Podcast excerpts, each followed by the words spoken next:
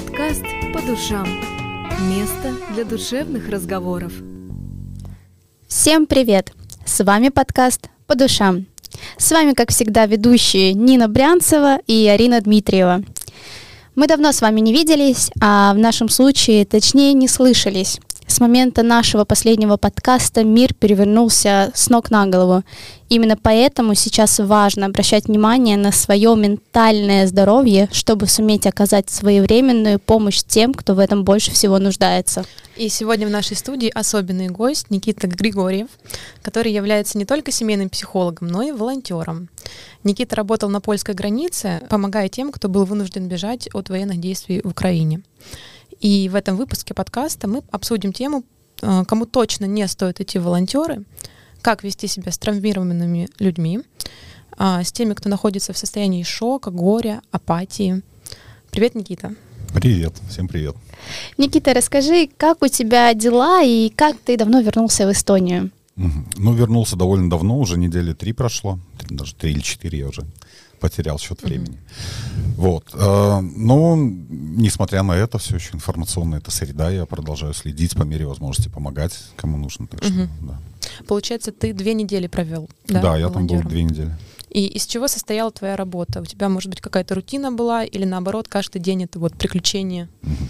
Ну, в основном работа более-менее однообразная. Uh-huh. То есть я там работал все-таки не психологом, uh-huh. а гораздо ну, более эффективно было как водителем такси, условно uh-huh. говоря. Uh-huh. То есть люди э, перебираются через э, границу, и они не знают, что делать на польской uh-huh. территории, они uh-huh. стоят там посреди поля. И вот, собственно, наш эстонский штаб, мы там развесили плакаты на всех этих пунктах, где люди собираются, что вот можно позвонить по номеру.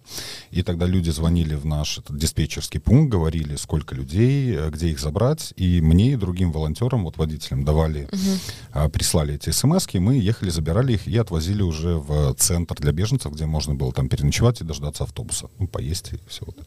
Угу. То есть в основном приходилось людей э, возить. Но, конечно, да, поскольку э, я говорю на, там, на русском, украинском, белорусском, польском, на эстонском только не говорю. Вот, то как только человек в вот этой в яркой салатовой жилетке, то, конечно, куда бы мы ни приезжали, там сразу подбегают, просят что-то перевести. То есть помимо э, конкретно доставки людей, если можно так uh-huh. сказать, постоянно приходилось что-то подсказывать. То есть первый день я, конечно, ничего не знал, но уже через неделю я там понимал, куда им, куда их направить, э, что посоветовать. Мы там с собой постоянно носили пауэрбанки, чтобы у кого-то телефон просто разряжен, а дети в другом автобусе. Вот, то есть э, основная работа это была ну, перевозка людей, но по ходу приходилось очень много помогать, подсказывать. Так. Но ты как, психо... ты как психолог, а, как ты себя вообще чувствовала, находясь там? А, было ли тебе морально тяжело, или ты как бы мог контролировать свое моральное состояние в этой ситуации? Угу. Ну, на самом деле, одна из причин, по которой я поехал, потому что, находясь здесь и просто, э, когда я скроллю новости, я понимаю, что я чувствую вот это э, бессилие, mm-hmm. и это еще хуже. Одна из причин, э, ну, как бы, даже не касаемо конкретно вот этой ситуации с войной, в принципе, когда люди чем-то заняты важным, то вот эти все переживания, они отходят на задний план. И, mm-hmm. в принципе, у меня очень быстро сложилось, что первые пару дней я был, вот, всегда говорю, просто парализован ментально, то есть не мог там не работать, ничего. Вот, и когда туда поехал, конечно, в этом плане было получше. То есть пока ты занят, ты понимаешь, что вот они конкретные люди, ты что-то делаешь. И были моменты, когда вот, условно говоря, 15 минут какой-то перерыв, нету никаких заданий, ты садишься в машину и накатывает вот это осознание, что идет же война, вот эти все люди, они еще вчера жили там в своих домах. Вот, но до тех пор, пока вот активно занят, оно как-то отступает на задний план. Угу. А как ты считаешь, э, каждый ли человек может э, выдержать это давление? То есть, а может быть, э, есть какие-то ограничения для работы волонтером? Угу. Может быть, ты понимаешь, что ты, может быть, морально слаб для этого, или какие-то у тебя есть травмы, которые могут вскрыться. Угу. Кому точно не стоит идти? Ну, вот категоризировать очень сложно, потому угу. что мы же не можем приложить, ну, как я всегда говорю, прибор к голове человека, угу. увидеть угу. количество да, травм, да, да, сказать, да. это подходит, это не подходит. Вот. На самом деле, э, вот э, если говорить про эмоции, я видел гораздо больше именно волонтеров, а, которые там плачут, у них нету сил, чем mm-hmm. люди. То есть люди, которые вот несколько недель уже провели там под обстрелами, они психически гораздо больше адаптировались. То есть, в принципе, стресс нас закаляет. Конечно, были и среди а, беженцев приступы там и паники, и психоза, там некоторые там падали на землю от каких-то громких звуков. Конечно, ну, тяжело в этом плане. А, видел, то есть там на месте были полицейские, пожарные, и э, видел, как один пожарный прям потерял э, сознание, говорят, что от переутомления, потому что ну, очень долгие смены, там как uh-huh. бы людей не хватает, все постоянно на ногах. Вот. И э, я думаю, что невозможно узнать заранее, а, я не говорю, что всем нужно ехать. Кто-то сам понимает, что некоторые люди понимают, что я там эти фильмы ужасов не могу смотреть, как, э, какая война, какое волонтерство. Кому-то наоборот, он понимает, что если я там пройду через это, я буду себя чувствовать там лучше уверенно, когда я знаю, что у меня там, условно говоря, в моем э, личном психологическом портфолио стоит эта галочка, что я вот с этим справился. Вот. А, так что сложно сказать заранее. Я думаю, это каждый ну, сам про себя чувствует. То есть некоторые, ну, неважно, какое у них состояние, они понимают, что это такой сильный, ну, если так сказать, порыв души, что они не могут этому прям сопротивляться и вот едут. Ну да, ты сейчас сказал про галочку, меня посетила такая мысль, ну, мне кажется, она всегда была на слуху, о том, что волонтерство это даже скорее не помощь другим, а помощь себе в том числе, потому что так ты э, ну, чувствуешь себя лучше, чувствуешь себя полезным в этом мире, и ты не ощущаешь вот то бессилие, которое мы ощущали, ощущали, когда листали эти новости. И это классная вещь, и, конечно, да, мне кажется, здесь надо отдавать себе полный отчет, готов ли выдержать этот человек или нет, потому что картины, которые там происходят, это, конечно, страшно. Страшно видеть то, что люди действительно бегут от войны, и это так близко от нас. Ну да, совершенно верно. И многие волонтеры, вот, которые там работали, они прямо так и говорили, что я думал, что я еду помогать людям. Сейчас я понимаю, что я помогаю себе, потому что, находясь здесь, я, угу. несмотря на то, что это вот прямо перед глазами, многие говорили, что я чувствую себя лучше просто потому, что я чувствую, что я могу что-то сделать. То есть, грубо говоря, это такая своеобразная терапия. Можно, можно сказать и... так, да. Угу. Практическая. Практическая часть теории.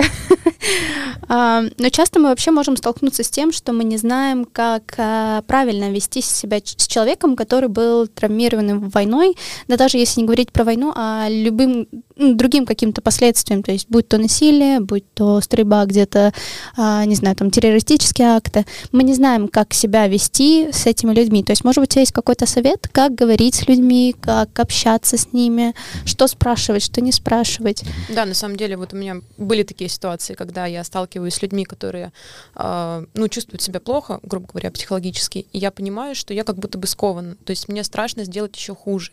Я mm-hmm. чувствую, что я как будто бы могу навредить. Mm-hmm.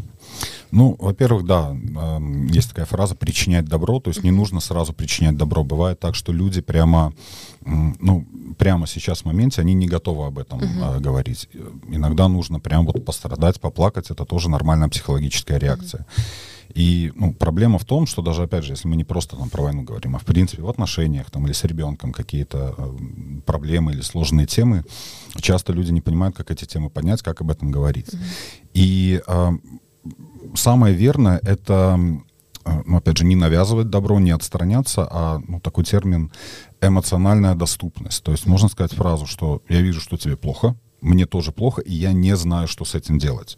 Я не знаю, хочешь ты говорить, не хочешь ты говорить, но если вдруг ты захочешь об этом поговорить, ты, я хочу, чтобы ты там знал или знала, что да, я готов там поговорить или помочь, и дать человеку а, ну, вот эту часть ответственности за свое психологическое здоровье. Потому что бывает так, что когда человека пытаются вытянуть из этого э, состояния, он э, там, зарывается еще глубже. Mm-hmm. То есть иногда человеку нужно дать именно право на эмоции, дать право пострадать и сказать, что когда ты будешь готов, э, ну, вот, я доступен. Угу. То есть это не черствость какая-то, что ты не обращаешь внимания на человека, который страдает, а это просто вот ты даешь ему время как-то Совершенно верно. Угу. Плюс, повторюсь, ну, это важно прям проговорить. То есть угу. у нас есть такая иллюзия, что, ну, кажется, что все понятно. То есть, да, мы больше... и та... он и так знает, что он, в принципе, может ко мне обратиться. Mm. Да, если... я живу тут рядом. Ну, да, как вот. бы. И идея именно в том, чтобы, ну, озвучить вот эту позицию да, мне плохо, да, тебе плохо, я не знаю, что делать, может быть, ты не знаешь, что делать. Но если у тебя появится идея, что тебе нужно поговорить, мы можем поговорить. И тогда, как бы это прям психологическим языком говоря, это коммуникативная транзакция произошла, mm-hmm. и теперь это на ответственности человека. Если он понимает, что ему нужна помощь, у него хотя бы есть кому обратиться, мы об этом поговорили. Mm-hmm. Как же все-таки интересно э, понимать то, что такая элементарная вещь, как разговор как слово, оно же решает, по сути, все наши проблемы, которые у нас происходят в голове. Большинство. Ну, большинство проблем. И даже в таких сложных ситуациях проще всего как бы просто поговорить.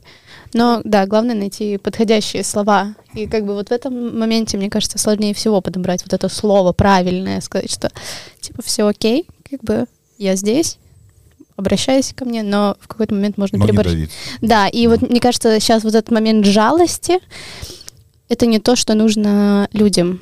Не, не всем. Абсолютно. Вот э, то, что я видел, большинство из них, то есть когда мы видим э, картинку по телевизору, условно говоря, то, конечно, выбирают наиболее драматичные кадры. То есть mm-hmm. это уже часть э, этой информационной индустрии. Но оказавшись там на месте, я на самом деле, ну, приятно удивился, что большинство людей, в принципе, относятся к этому, ну, как, да, неприятности, неожиданные неприятности, но они, по сути, решают проблемы. Они узнают, там, что делать с паспортом, где регистрироваться. То есть вот эти mm-hmm. драматические люди, когда люди падают на, на пол в припадках, потому что там где-то хлопок какой-то произошел или что-то, это, ну, единичные случаи. Mm-hmm. Большинство из них довольно как нормально, рационально оценивают ситуацию. У них большинство людей — это женщины с маленькими детьми, и, конечно, у них в приоритете это ответственность за ребенка. То есть им нужно порешать все задачи. Может быть, потом, когда они уже садятся в автобус, когда они приезжают сюда, в Эстонию, их накрывает вот это чувство, что там и дом разрушен, и угу. родина, непонятно, что с ним будет. Угу. Ну, то есть они дают себе шанс выдохнуть только после того, когда они ощущают себя в безопасности. Когда опасность отступает, да, да, да. да. да. Ну и все же, наверное, вот ты сказала про стрессоустойчивость, она, ну, как бы эмоции, они становятся более черствыми в какой-то момент, потому что ты привыкаешь э, к тем условиям, в которых ты живешь, и это уже кажется, ну, не так страшно. Совершенно да, это верно. страшно, но Совершенно как бы пережить-то вроде можно, надо просто двигаться. Угу. Это, конечно, очень интересно. Но это происходит со всеми нами, на, в принципе, на уровне общества, социума. Угу. То есть первые дни войны это все было ужас, сейчас вот эти разрушенные здания, э, мертвые люди и так далее, это просто часть информационного фона, и, в угу. принципе, на уровне всего общества мы очень быстро привыкаем и адаптируемся. Угу. И все-таки вот если вот эту мысль немножко развить, что мы привыкли к тому, что все это происходит, этот ужас, а, как понять, что тот стресс, который мы сейчас испытываем, то подавленное состояние, в котором мы находимся, это не норма, и что нужно обращаться за помощью. Ну, то есть, грубо говоря, я сейчас смотрю на других, понимаю, что всем сейчас плохо, все сейчас переживают, и думаю, ну, в принципе, не так уж я сильно и травмирован, в целом-то я могу потерпеть, другим еще хуже. Вот как вот найти эту грань между всем сейчас плохо, я потерплю, и со мной что-то не так, мне нужна помощь. Угу. На самом деле очень интересная тема. Вот. А, а, в последнее время очень много об этом говорю, потому что у нас есть, ну, можно так сказать, проблема, наверное, неподходящее слово, есть особенность. Uh-huh. То есть мы из себя представляем как биологический организм. И мы привыкли, что если что-то не так, то об этом нам говорит боль. Я недавно ногу сломал, прям, ну, это еще до Польши. А, прям болит. И боль мне говорит, что не надо на ногу наступать, надо идти к врачу, там мне все это просветили, прям поставили гипс. Если, условно говоря, мы в зале перетренировались, то слабость в мышцах, боль в мышцах говорит, что нужно отдохнуть, восстановиться и так далее. Мы привыкли, что если что-то не так, мы испытываем прям боль. Проблема в том, что в мозг, что мозг это такой же орган. На не, если на мышцы можно дать какую-то физическую нагрузку, там и повредить их, то э, мозг, он воспринимает всю информацию. Мы живем в мире, 21 век — это век э, информационной нагрузки. Мы живем, в принципе, вот на информационной свалке, если можно так сказать, наш любимый интернет. То есть куча информации, непонятно, какая важная, неважная, плюс счета всем нужно оплачивать, там, думать о будущем и так далее, и так далее. И проблема в том, что когда мозг истощен вот этой информацией, опять же, эмоциональной, э, рациональной, какой-то еще, в мозгу нету болевых рецепторов, то есть э, симптомы совершенно другие. Есть вполне конкретные симптомы, которые говорят о, ну, прям симптомы выгорания. Во-первых, это раздражительность, когда человек понимает, что он уже, уже раздражается на все. Там соседи что-то скрипят, дверь скрипит, дождь за окном, дети, родные там и так далее. Вот прям люди многие замечают, что вот прям раздражительность, которой раньше не было. Во-вторых, это бессонница, когда тяжело заснуть, когда вот все эти мысли крутятся. Это тоже говорит о том, что мозг уже не выдерживает, он не может переключиться из режима активации в режим торможения и сна.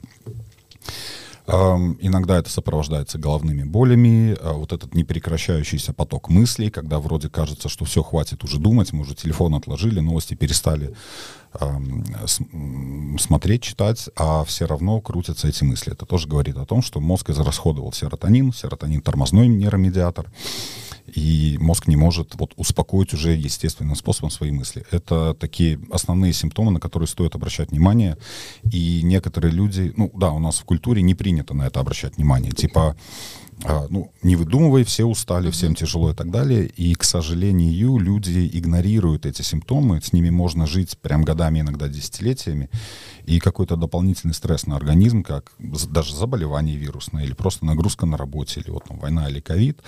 Вот как пример с симптомами выгорания, раньше ко мне обращались, ну, может быть, один клиент в месяц, там, на работе или в отношениях что-то. Сейчас это примерно 4 человека в неделю. То есть реально прям эпидемия выгорания, люди не понимают, что с ними, они приходят, жалуются вот на какую-то раздражительность, что-то еще, uh-huh. но там все симптомы, они прям как по учебнику складываются.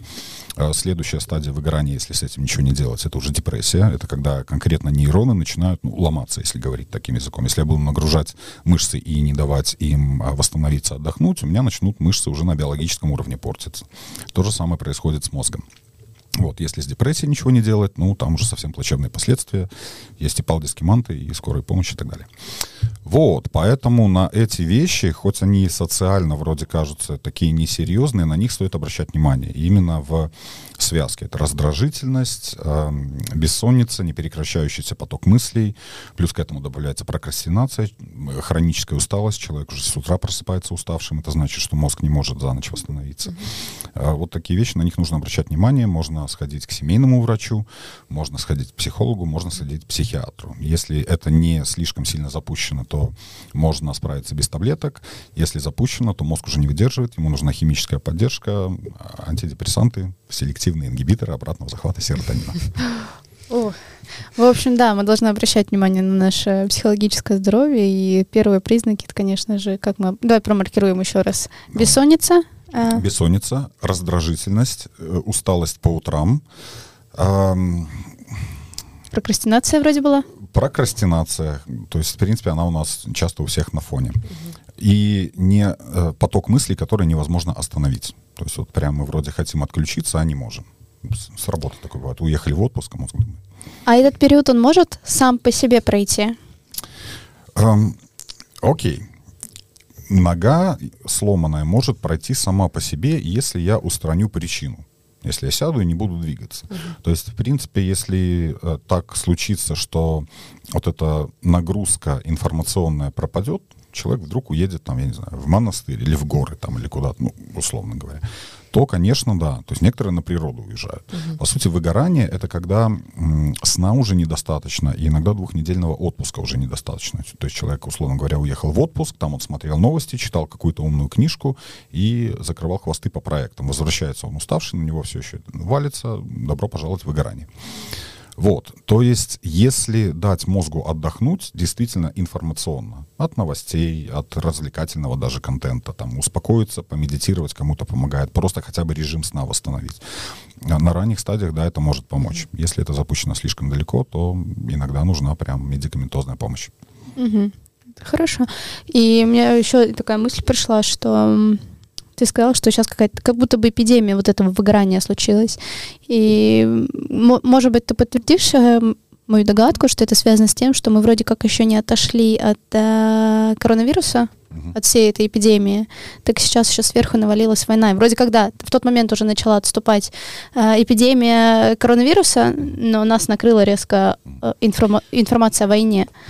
Я думаю, это один из факторов. Угу. Потому что, опять же, э, мы все вот, генетически, биологически мы разные. То есть кто-то там и новости читает, и спит мало, и ну, все по барабану, условно говоря. Организм там молодой, крепкий и так далее.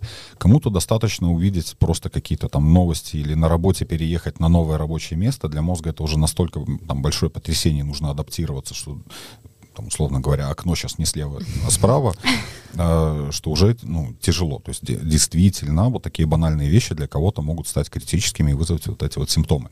Вот, то есть э, да, мы все разные, да, много факторов. У кого-то отношения более-менее нормальные, для него эти новости это фон. У кого-то еще в отношениях плохо, у кого-то на работе нагрузка там. То есть факторов много, и, конечно же, вот эти глобальные факторы, как и война и эпидемия, ну, понятное дело, это очень большая дополнительная нагрузка. И я уверен, что, конечно, это все провоцирует. Угу.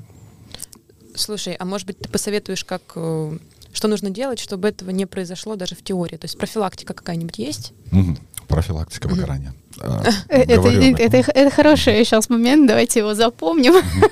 Не, правда, это важно, особенно вот в этом 21 информационном веке. Самое простое — это информационная гигиена, цифровая гигиена. Mm-hmm. То есть, если говорить конкретно, это если э, многие понимают, что они не могут не смотреть новости. То есть некоторые тянутся, на что в Фейсбуке посидеть, в Инстаграме, у кого-то новости. А, нач, начать искать способы ограничивать вот это вот цифровое потребление. Mm-hmm. То есть, если я понимаю, что я хочу смотреть новости, выделить себе какой-нибудь час времени или полчаса, где я просматриваю и убираю телефон, чтобы мозг мог переключиться на что-то другое режим сна. То есть многие мало спят, потому что в сутках всего лишь 24 часа, есть и работа, и семья, и нужно всех котиков в интернете посмотреть. Э, ну, понять, что там есть обязанности, которые никуда не денутся, котики тоже никуда не денутся, вот немножко дисциплинировать себя, потому что сон — это, конечно, лучший э, антидепрессант, стимулятор, все ищут какие-то наотропы, волшебные способы, как заставить мозг работать. Восьмичасовой сон, где вы ложитесь в одно и то же время, встаете в одно и то же время, это лучший наотроп, антидепрессант, и, все вместе. То есть мозг действительно восстанавливается. Один из э, факторов того же самого Альцгеймера, деменции, это недостаток сна. Mm. Вот. Здоровый сон, информационная гигиена и э, физическая активность. То есть, когда мы занимаемся, даже просто прогулки, прогулки, э, Иногда прогулок не хватает, человек пошел на прогулку, мозг все равно крутит всю эту ерунду. Или телефон с собой взял и смотрит. То есть какая-то физическая активность, где мы полностью заняты, там игры с мячом, тот же баскетбол, вот сейчас летом у нас начинается, бадминтон можно пойти поиграть, бассейн поплавать. Это все заставляет мозг сфокусироваться на очень примитивной э, моторной задаче, то есть двигать там мышцами, держать баланс э, и так далее. И тогда мы даем вот этим нейронам, которые заняты всем этим прокручиванием, ну, немножко отдохнуть. То есть относиться к мозгу как ну, к мышцам, условно говоря, как к такому же автоматическому органу, который мы чувствуем не болью или чем-то еще, не истощением, потому что мы иногда усталости даже ну, не чувствуем. Один из тоже симптомов выгорания — это когда человек не чувствует, что он уставший. Вот. А, прям серьезно относиться к органу как к мозгу, который подвергается ежедневно огромным нагрузкам. И, да, базовые вещи — сон, спорт, цифровая гигиена — вот хотя бы с этого начать уже многим более чем достаточно. Слушай, очень интересную вещь сказал, что мы можем даже не понимать, что мы устали. Это... А как тогда? Как, как тогда понять, что ты, ты все? Ну, хорошо. Опять же, приведу пример. К зубному, наверное, все ходят. Угу. И нам делают специальный укольчик, и мы не чувствуем боли. Угу. То есть нам искусственно выключают вот эти болевые рецепторы, угу. нейроны, э, чтобы мы нормально провели вот эту вот процедуру. То есть э, можно действительно выключить часть э, нервов и человек mm-hmm. не будет чувствовать боль. Но мозг это такая же нервная система, и если они просто, э, нейроны просто истощены, то там не хватает уже э, нейромедиаторов, то есть химических элементов, чтобы мозг поддерживал свою функцию. Есть э, системы мозга, которые отвечают за нашу усталость. Есть контрсистемы, которые нас активируют. И вот если у нас, опять же, повышен адреналин, гормон стресса, э, ну, его можно сравнить, ну, может быть, с кофеином, то есть это такой наш естественный природный кофеин. И если мне нужно ложиться спать, а я сижу и читаю новости, то я искусственно искусственно повышаю количество адреналина, ну или в компьютерную игру играю, или остросюжетный сериал какой-нибудь. Mm-hmm. Я, потребляя эту информацию, искусственно повышаю уровень адреналина у себя в крови, и мой мозг уже не в состоянии просто по химическим причинам ощутить вот эту вот усталость. Mm. Вот. Плюс, если я постоянно э, как бы игнорирую сигналы от э, от мозга, что мы устали, то мозг эти сигналы начинает игнорировать уже сам, посылает их все меньше. То есть те системы, которые мы не используем, они, условно говоря, атрофируются. Вот как космонавты летают в космос, возвращаются две недели, им нужно учиться обратно ходить, потому что две недели они не пользовались своими мышцами. Точно так же, если мы э, сбили режим, игнорируем там усталость, запиваем все это кофем, там, стимуляторами, чем-то еще, э, то эту систему очень легко поломать, очень сложно восстановить. И, ну, да, то есть человек уже говорит, я понимаю, что мне нужно спать, я не могу уснуть, вот бессонница, как так можно? Мы устали, но мы не можем переключиться на этот режим. Вот. Я бы хотела вернуться к такой теме, как э, чувство вины. Да, мы уже говорили об этом немножко. Да. А, как вот перестать испытывать вот это дурное чувство вины за то, что мы находимся в лучших условиях на данный момент, чем находятся люди, которые сейчас под обстрелами. А, при этом многие из нас ругают себя за эти переживания, эмоции, потому что вроде как переживать не за что. А есть ощущение, что мы вообще как будто бы не имеем права вот переживать за то, что происходит там. Мы должны быть сильными. Ну да, то есть ты уже немножко сказал об этом, что даже ты поехал помогать, потому что у тебя было какое-то такое чувство, что как ну, же да, так, да. я сижу сложа руки. То есть это один из способов реально что-то сделать? Это один из способов, mm да, совершенно верно. Ну, во-первых, да, насчет чувства вины и обвинения своих чувств. Эм, к сожалению, мы оказались в таком мире, где чувства испытывать нельзя. Стоит человеку заплакать, все подбегают, говорят, не плачь потому что не, все не знают, что со слезами делать. Все не знают, что со своими чувствами делать. Если у ребенка какие-то чувства, ему сразу говорят, успокойся, мол, ты не имеешь права испытывать эти чувства. Mm-hmm. Нам то же самое говорили. В итоге мы себе не, не даем права на какие-то чувства. Это то же самое, что запретить человеку ходить в туалет. Ну, какое-то время потерпеть можно, потом инциденты начнут происходить. Угу. Вот, то есть э, потребность... Да потребность испытывать чувства — это, ну, в том числе чувство вины, в том числе чувство агрессии, в том числе чувство страха. Это не то, что вот все должны быть смелыми. Если у человека нет чувства страха, то это больной человек. Страх защищает нас от каких-то необдуманных поступков. Э, точно так же чувство вины, оно, эм, мы не рождаемся с ним, нам, конечно, его прививают родители для того, чтобы управлять поведением детей. Если я, если мой ребенок бегает по дороге, и я не скажу ему там ай-яй-яй, а-та-та, и не внушу ему это чувство там вины и страха, что он реально может попасть в больницу, то он запросто может попасть в больницу, потому mm-hmm. что у него чувство страха и чувство вины, они нас где-то притормаживают. Проблема в том, что э, это чувство вины, ну, как overuse, как по-русски сказать, слишком уж э, нравится его использовать, что э, Опять же, не хочу сказать, что родители какие-то плохие, у родителей часто нету других инструментов. Учителя часто в школе внушают чувство вины, там вот человек плохо будет учиться, там и дворником будет, и все. И да. у нас уже, опять же, если я пойду в спортзал, начну там качать там только бицепсы, у меня начнут развиваться би- бицепсы. Если человеку с самого детства постоянно внушать это чувство вины насчет всего, ты же девочка, ты же мальчик, ты же там, а что люди скажут, и я последняя буква, вот все, что мы с детства слышим, то у нас, конечно же, в голове голове сформируются прям обширные нейронные сети, которые будут включать это чувство вины насчет чего угодно. Вот. И э, чувство вины, помимо всего, включается, когда мы не знаем, что делать. То есть мы похожи иногда вот на этого маленького ребенка, он понимает, что что-то не так, что делать он не может, там какие-то родители, которые будут недовольны, и мозг говорит, у нас мы не знаем, что делать, вот на всякий случай чувство вины, что даже если что-то пойдет не так, ну, мы хотя бы виноваты. И, э, ну, то есть, повторюсь, мозг я всегда рассматриваю как такая автоматическая машинка, тогда нам легче с этим как-то что-то понять и делать. Вот. И когда мы понимаем, что происходит что-то невероятное, невозможное, что еще там несколько месяцев назад невозможно было представить, это реальные люди, у многих там друзья и родственники. Ну, война же, ну, и в Африке где-то происходит, и где-то еще, но тут это прям вот люди, которые живут в таких же домах, как мы, в таких же городах. Многие ездили в Киев там и так далее. И мы не знаем, что делать, и мозг говорит, ну, у меня есть на этот случай инструкция. Вот он чувство вины, потому что другой инструкции нету. Вот, не каждый может уехать, там же и работа, все, я не говорю, что каждый должен uh-huh. там ехать волонтерить. Вот, и мы ходим с этим чувством, потом опять же включается другая часть мозга, говорит, так, мы же ничего не сделали, нельзя же себя обвинять, нам же нужно вот и работать, и все, мы должны быть сильными. В итоге это уже превращается во внутренний конфликт между этим автоматическим чувством вины, между тем, что я должен быть сильный, а что у других происходит. Всем сейчас тяжело, и мы ходим уже с этим внутренним неврозом. А у психологов прибавляется количество клиентов. Вот. Ну, для того, чтобы у психолога у психологов клиентов было поменьше, мы об этом и говорим сейчас. Я клиентам всегда говорю, наша задача сделать так, чтобы нам не нужно было видеться. А мы могли бы тут это два раза в неделю, пять лет подряд. Очень хорошо для моего кошелька, не очень хорошо для вашего. Вот. То есть, да, во-первых, э, можно себя чем-то занять, чем-то важным. Не просто там пойду там, не знаю, грядки полоть или что-то еще. Найти что-то действительно важное. Может быть, связанное с беженцами или с войной, может быть, нет. То есть часто люди не хотят заниматься своей жизнью. Они хотят объяснять всем, как правильно в интернете, детям, как им правильно жить, соседям, там, политикам.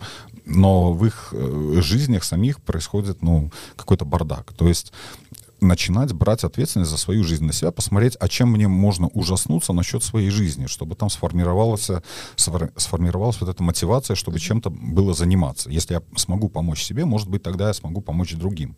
Это, как всегда говорю, в самолетах, если выпали кислородные маски, сначала себе, потом ребенку. Потому что если вы не поможете себе, ребенок потеряет сознание, ему уже никто не поможет.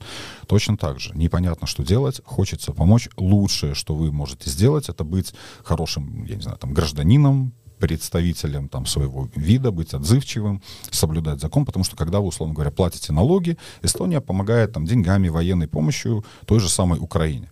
Если вы, я не знаю, там, даже на банальном уровне мусорите, не платите налоги, там что-то еще, то государству, хоть, хоть и в мизерных масштабах приходится тратить ресурсы на то, чтобы устранять это, и какие-то деньги не дойдут до бюджета, меньше денег отправится там в Украину, условно говоря. То есть иногда помогает увидеть вот эти цепочки. Лучшее, что я могу сделать, это здесь сейчас э, ну, быть лучшей версией себя, как бы это банально mm-hmm. там и пафосно не звучало. Mm-hmm. А, опять же, то есть часто это прям, ну, может звучить некрасиво, но какая-то сделка с совестью. То есть можно сказать, да, что меня это ужаснуло, я поехал, у меня сделка с совестью, я сделал все, что мог. Кто-то не может поехать, можно перевести какие-то деньги в какой-то фонд, можно а, поехать в какой-то сортировочный центр в этих э, по голосаби, по-моему, МТ uh-huh, называется. Uh-huh, вот. Помочь банально никуда ездить нужно, рассортировать какие-то вещи. Э, где-то люди спрашивают какую-то информацию там юридическую, может быть, более там как-то отзывчиво в интернете ответить, а не хейтить всех, что там неправильные вопросы задают. Вот. И главное увидеть вот эти связи. Когда я это делаю, это хоть кому-то помогает. Если я помог кому-то человеку, это освободит ресурсы другого человека, mm-hmm. и он может помочь кому-то еще. Вот. А, ну и, да, а, брать ответственность за свою жизнь, а не позволять мозгу а, ужасаться и сказать, что вот там вот все надо решать. У нас всем есть чем заняться. Когда мы приведем свой огород в порядок, свое государство в порядок, там, семью, дом и так далее, у нас высвободятся, высвободятся ресурсы, чтобы помогать другим. Пока у нас самих все плохо, ну о какой помощи может идти речь? Угу. Ну, как говорится, и воспитание детей сперва надо начать с себя, а потом уже переходить на воспитание ребенка. То же самое, так ну, гораздо думаю, легче. Сферах это, да. Вот у них всех плохо, надо причинять добро, а мы не можем, и мы ходим с этим чувством вины, и, боже мой, боже мой, в итоге мы парализованы этими чувствами. Э, да, это не я выдумал, это довольно известная банальная вещь, нужно начинать с себя, как бы тяжело это ни было. Слушай, а что бы ты посоветовала сейчас каждому человеку, который вот переживает из-за событий, которые происходят в Украине, чувствует бессилие, невозможность вот прямо сейчас сделать угу. какое-то действие, может быть, в чем-то подумать? Очень сложно давать такие общие mm-hmm. советы, потому что все находятся в разных ситуациях. Mm-hmm. А, ну, хорошо, есть такая универсальная вещь, потому что, опять же, наш мозг, он не может удерживать такой огромный объем информации. Всегда привожу про простой пример. 68 умножить на 94 очень сложно посчитать, потому что там, оказывается, две цифры запомнить надо. И когда нам нужно запомнить две цифры еще там перемножить, все разваливается к чертовой матери. Вот, точно так же, то есть наш рабочий объем нашей вот этой памяти примерно три факта на задачу. А у нас там, опять же, и семья, и новости, и, там, и Facebook, и так далее, и так далее. И точно так же, как записать этот пример на бумажке помогает нам увидеть это решение, записать свои мысли на бумаге и, в принципе, делать это регулярно очень mm-hmm. помогает. Это, может быть, не решает какие-то задачи, но в этот момент мы искусственно замедляем свой мозг. Мы не гоняем эти мысли туда-сюда. Mm-hmm. Когда мы вынуждены записать это предложение, у нас э, уходит не 3-4 секунды, как если бы мы об этом думали, а ну, все 10 секунд. Mm-hmm. Это позволяет мозгу замедлиться. Потом эти мысли мы можем перечитать. Например, вот мы там запишем «Мир несправедливый», там то третье, пятое, десятое, как мы счета будем оплачивать, а что если там какая-то недружественная армия сюда придет. И все эти мысли можно будет раз, разделить на полезные и бесполезные. То есть мир несправедливый — это бесполезная мысль. Ну что я с этим буду делать? Как так можно? Ну если я получу ответ на вопрос, как так можно, что у нас есть внутривидовая агрессия, как мне это поможет? Никак, бесполезная мысль. С этим ничего нельзя сделать. Ну да, то есть она неприятная, она есть, это не значит, что ее нужно... Но это как, условно говоря, вот заходите вы на интернет-сайт, там есть какая-то полезная статья, а сверху выскакивают всякие поп-апы. Там mm-hmm. надо куки там принять, mm-hmm. там, или миллионный посетитель, вы выиграли деньги. На одном и том же мониторе есть полезная информация и бесполезная информация. У нас есть способность ее отфильтровывать. Точно так же, когда мы регулярно выписываем все эти мысли, которые не дают нам покоя у себя в голове, что вот чувство вины, вот я виноватый там и так далее. Мы можем посмотреть на эти мысли после того, как мы уже их написали, и посмотреть на, ну, разделить их на вот те самые полезные и бесполезные. То есть, что, условно говоря, мир несправедливый там или какой-то президент там неадекватно себя ведет или что-то еще, но мы с этим вряд ли что-то можем сделать. Но если у меня там возникает вопрос, а что будет происходить, если сюда придет какая-нибудь там армия, и у меня ответа на этот вопрос нет, то, может быть, мне нужно составить прям список угу. чтобы успокоить свой мозг. Это значит, что у мозга нет ответов на этот вполне конкретный вопрос. Вот. Э, То есть составить себе какой-то план действий, если Хотя вдруг... бы по этому Чтобы угу. не было какой-то фоновой тревоги. Правильно? Да, совершенно верно, потому что мозг все это обобщает, он говорит, просто вот все плохо, я боюсь. Хорошо, чего я боюсь? Я боюсь вот этого, вот этого. Угу. Если это произойдет, какие у меня ресурсы, какие у меня планы, куда я буду звонить, куда я буду бежать? Может, мне нужно заправить машину, собрать тревожный чемоданчик, чтобы мне спалось что если угу. что-то произойдет, я буду знать, что у меня есть конкретный план действий. То есть, э, и повторюсь, это нужно делать на бумаге, потому что когда мы пытаемся об этом думать в голове, мозг там все разваливается. Мозг uh-huh. про то, про другое, про третье начинает думать. Плюс еще, еще эти мысли про чувство вины мешают, там и у ребенка оценки плохие в школе, и все, мы запутались. Uh-huh. Когда мы делаем это на бумаге, мы, вот как Excel, условно говоря, мы что, цифры не знаем, но нам нужно увидеть эти цифры перед собой, чтобы с ними что-то сделать.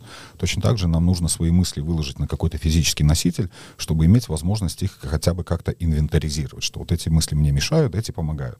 И тогда у нас уже сам, сам этот процесс, то есть когда мы инвестировали полчаса времени вот прям в эту практику, э, это помогает мозгу более серьезно относиться к задачам, которые мы можем решать, и, собственно, дает нам тот самый дофамин, чувство, ну, мотивацию вместо страха и меньше внимания уделять мыслям, когда я понимаю, да, эта мысль есть, но она как бы не, не тепло, не холодно от нее. Угу. Вот. Прям вот такой универсальный совет. Да, мне кажется, этот э, совет прям на все случаи прям жизни. Сразу да, да, да.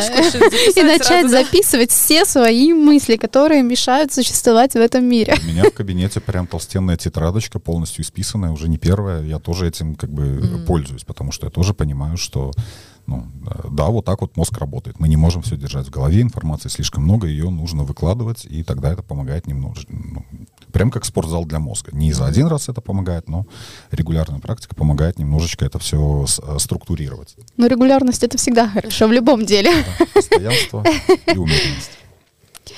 Спасибо, Никита, что пришел, пришел к нам. А, мне кажется, получился очень полезный, очень информативный, очень такой душевный подкаст. Мы будем ждать тебя еще к нам в гости. С удовольствием. Да, я думаю, ты еще много чего можешь рассказать нам полезного, интересного. Зовите с удовольствием. Да, спасибо большое. На самом деле, я лично для себя даже кое-чего нового узнала. Я думаю, что не только я, многие. Да, я уверена. Угу. А, дорогие слушатели, слушайте наш подкаст на всех удобных а, для вас площадках и подписывайтесь на YouTube канал Никиты. Я думаю, вы там найдете еще больше полезной информации. И, как всегда, с вами подкаст по душам. Всем спасибо. Всем пока. Пока-пока. Пока. Подкаст по душам. Место для душевных разговоров.